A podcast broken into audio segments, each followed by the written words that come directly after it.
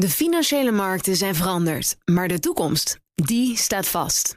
We zijn in transitie naar een klimaatneutrale economie. Dit biedt een van de grootste investeringskansen van onze generatie. Een kans voor u om mee te groeien met de pioniers van morgen. Meer weten? Ga naar carbonequity.com. Carbon Equity. Do good by investing better.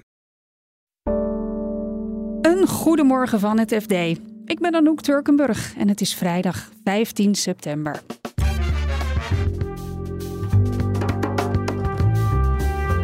Politieke spelletjes zorgen voor faillissementen bij Britse gemeenten. Het gat op, eh, in de financiering is 1,2 miljard pond, terwijl de gemeentebegroting is maar 24 miljoen. Philips kreeg een interessant aanbod op een heel penibel moment. Vandaar dat Philips zei: misschien zijn ze onze reddingsboei. Maar ja, misschien hebben ze ook wel hele snode plannen met ons. En bezuinigingen zijn nodig, maar hoe hard moet die broekriem nu worden aangetrokken?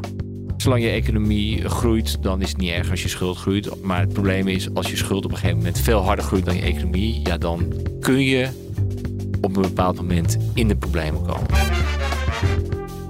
Dit is de dagkoers van het FD.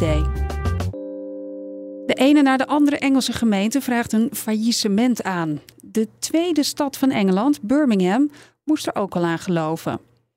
Onze correspondent in het Verenigd Koninkrijk, Joost Dobber, ging eens kijken in zo'n failliete stad. Hij vertelt wat er aan de hand is daar.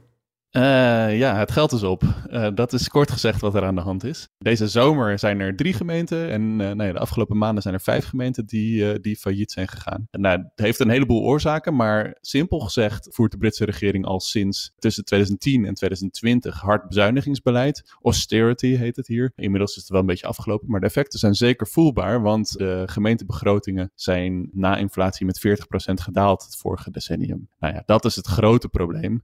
Daarbij komt dat de bevolking vergrijst, dus er is meer vraag naar voorzieningen zoals verpleegzorg en thuiszorg en dergelijke. Dus ja, er is het eigenlijk een enorm financieel gat is er ontstaan. Mhm. En veel gemeenten hebben dat geprobeerd te vullen met allerlei commerciële activiteiten. Dus ze gingen dan projectontwikkelaar worden, gingen ze kantoren bouwen of, of winkelcentra, om op die manier extra inkomsten te genereren. Dat ging een tijdje goed, alleen nu sinds de pandemie zijn al die commerciële vastgoed, die winkels en die kantoren zijn veel minder waard geworden. Dus daar moeten ze heel veel op afschrijven. De rente is natuurlijk uh, sterk gestegen, dus ja, dat uh, opeens begint dat nogal te knellen. Dus dat is, dat is zeg maar de trigger die nu voor de eerste rij gemeenten veroorzaakt dat ze failliet gaan. Er zijn dus allerlei structurele problemen die voor alle gemeenten gelden.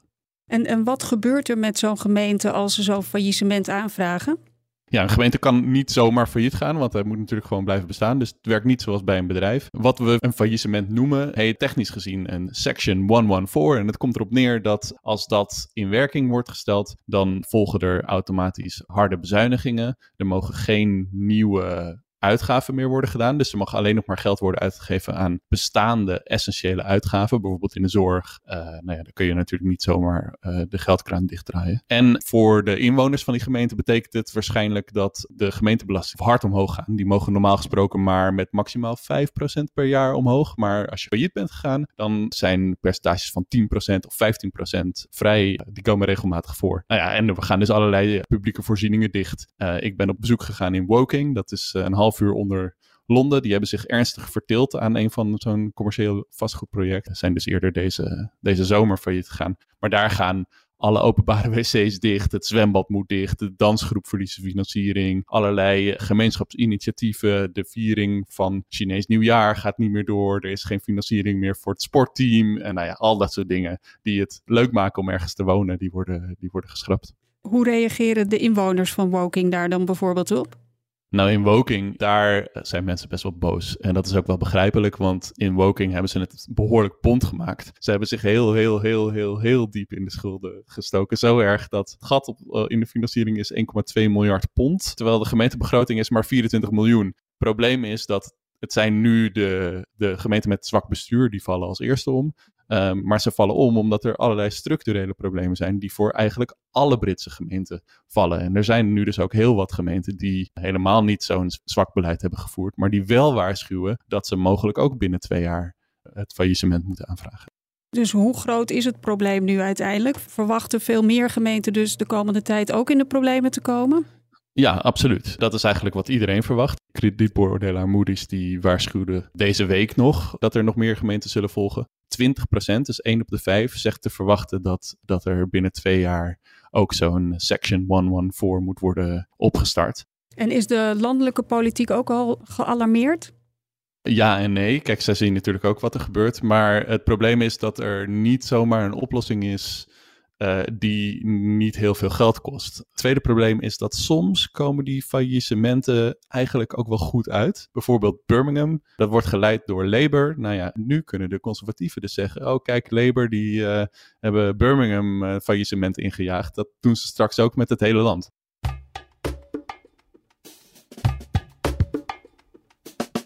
Roerige tijden waren het voor Philips.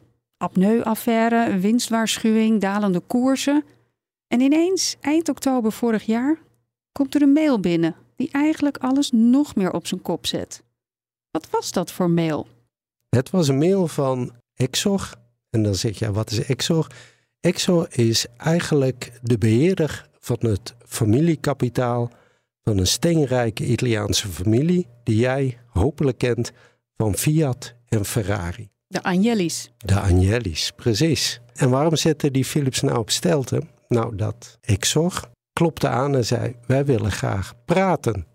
En we willen niet zomaar praten, wij willen praten met de bazen van Philips. Nou, als zo iemand aanklopt en vraagt: Mag ik komen praten? Dan weet je één ding: ze willen iets met Philips. Dus dat is spannend. Je hoort Pieter Kouwenberg, die samen met Edwin van der Schoot en Tjeu Fase een reconstructie maakte van hoe investeringsfonds Exor ongemerkt 15% van de aandelen Philips kon kopen. Hoe stond het bedrijf er eigenlijk voor in die tijd? Slecht. Ze hadden de slaapapneu-affaire. Niet functionerende slaapapneu-apparaten, die moesten teruggehaald worden. De toezichthouder op Philips in Amerika ging een groot onderzoek doen. Beleggers waren boos. Patiënten dienden claims in. Kortom, Philips had een heel zwaar weer. En vooral omdat de beurskoers kelderde, echt um, tot een dieptepunt. En dan weet je, als je beurskoers heel laag is, dan gaan allerlei partijen naar je kijken van hé, hey, kan ik ze kopen? Hoe keek uh, de top van Philips naar die mail die binnenkwam van de Italianen? Gemixt. Aan de ene kant vonden ze het spannend, want ze kenden de Italianen eigenlijk niet. Dus dan is de vraag: wil je iets leuks met ons gaan doen of ben je een bedreiging? En tegelijkertijd zagen ze ook wel, misschien zou dit onze redder in de moeilijke tijden kunnen zijn. Want Exor is, en dan gebruik ik even een moeilijk woord, een hoeksteen-aandeelhouder of referentie-aandeelhouder. Dat is een aandeelhouder die een belang neemt in jouw bedrijf, een groot belang. Dus niet 1, 2 of 3 procent, maar 9 procent, 10 procent, 15 procent. Belooft aan jou dat hij er langere tijd in zit. Maar hij doet iets anders ook nog. Hij committeert zich publiekelijk aan jouw strategie. Hij zegt: Ik geloof in Philips en ik eh, ga je helpen om een succes te worden. En dan zeg jij natuurlijk: Oh, en dat doen ze zomaar voor niks? Mhm. Nee, natuurlijk niet. Ze stappen in als het aandeel laag is. En twee, ze zeggen: Oké, wij beloven je voor een tijdje trouw, maar dan willen we ook wel invloed hebben op de koers. Dus dan willen we een stoel in jullie raad van commissarissen, zodat we daar kunnen duwen en trekken als we niet vinden dat het helemaal goed gaat. Daarvoor zijn er gesprekken gevoerd over en weer. En het is de familie Elkan slash Agnelli gelukt om tot 15% een uh, belang uh, te veroveren. Hoe zijn de verhoudingen nu dan? Ik denk dat um, het belangrijkste voor Philips is, is dat ze één, rust hebben gekregen. Want met Elkan, Exor aan boord schrik je heel veel activisten af. Je hebt een hele stabiele aandeelhouder die in ieder geval drie jaar trouw heeft beloofd. Dat geeft ongelooflijk veel rust. En dat heeft Philips meer dan ooit nu nodig. Maar de keerzijde is natuurlijk wel, deze meneer Elkan, Exor, heeft nu echt invloed. Die heeft echt een voet tussen de deur in het bedrijf. Dus als de top van Philips niet levert, dan zou het zomaar kunnen zijn dat meneer Elkan wel even gaat duwen en gaat trekken en niet een suikeroom blijkt te zijn, maar een hele kritische suikeroom.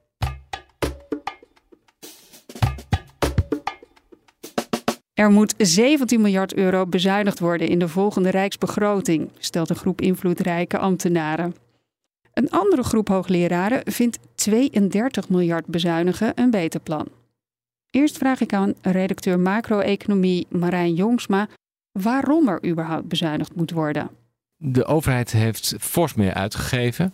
En als je ervan uitgaat dat ze dat blijven doen, dan op een gegeven moment loopt de staatsschuld op tot niveaus die behoorlijk liggen boven het huidige niveau, wat heel laag is, moet ik er direct bij zeggen. En uh, ja, als je dan heel prudent bent, dan zeg je van ja, we willen die trend stoppen, we willen het op een of andere manier stabiliseren op een bepaald niveau. Dat is uiteindelijk een politieke keuze. En dan moet je gaan ombuigen. En ombuigen is dat een beetje een lastig woord. Want dat betekent eigenlijk dat je bijvoorbeeld de stijging van de overheidsuitgaven dempt. Het wil niet zeggen dat je meteen heel veel minder gaat uitgeven. Je gaat in ieder geval minder meer uitgeven. En wat het ook de discussie altijd een beetje lastig maakt, dat het gaat om de verhouding van staatsschuld tot de grootte van onze economie. En ook ja. tekort. Hè? Hoe groot die economie hoe meer die je kunt dragen. Dus je mag best wel meer schuld maken. De staatsschuld stijgt eigenlijk altijd zolang je een tekort hebt.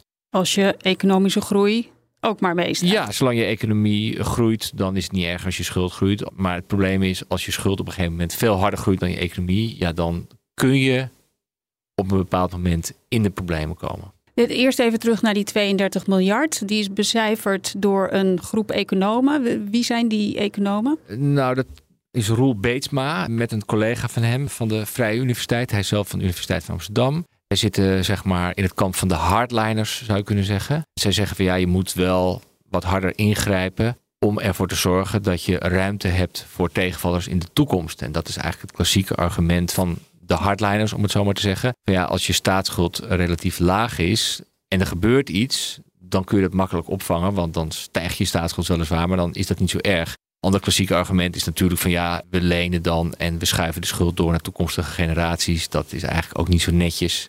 Dat is weer een ander argument om wat prudenter te zijn. Je zei al even, we doen het eigenlijk in Nederland niet zo slecht hè, op dit moment. Hoe hoog is, uh, is onze staatsschuldquote op dit moment? Uh, zit onder de 50% En gemiddeld in de eurozone is het iets boven de 90. Dus we doen het ongelooflijk We doen het heel goed. Ja, en waar alle landen van profiteren, en Nederland dus ook, is dat we behoorlijke inflatie hebben. En inflatie de holt de waarde van schulden uit. Dat moet je even uitleggen.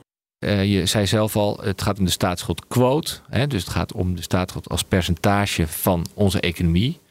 En als we inflatie hebben, dan wordt onze economie groter. Hè? Dus, dus wat we met z'n allen verdienen, wordt meer. En de schuld stijgt natuurlijk niet mee met de inflatie.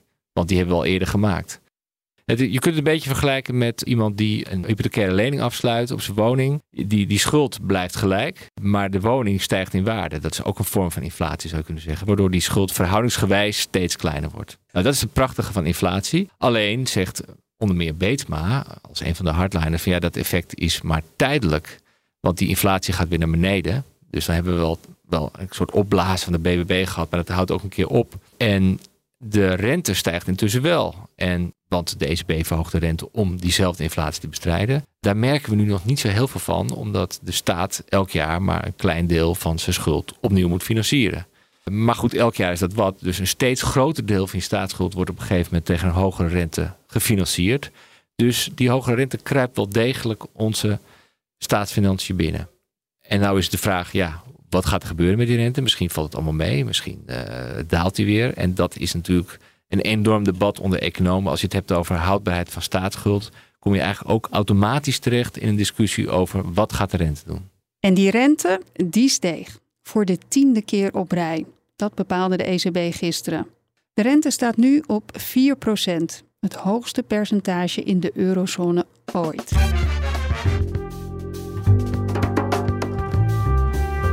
Dit was de dagkoers van het FD. Maandagochtend zijn we er weer. Maar intussen volg je natuurlijk al het financieel-economische nieuws op fd.nl en in onze app. Luister ook vooral naar onze nieuwe podcast Toegevoegde Waarde, waarin journalist Anna Dijkman op zoek gaat naar de verhalen achter de economie. Aflevering 1 over inflatie staat al online. Alvast een heel fijn weekend en graag tot maandag.